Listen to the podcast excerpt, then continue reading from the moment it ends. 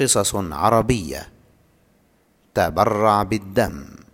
ولما انتهى الأذان سمع من مكبرات صوت البلدية مناد ينادي يا إخوة نحتاج دما من فصيلة سالب باء لمريض يعالج في مستشفى الشفاء الحكومي.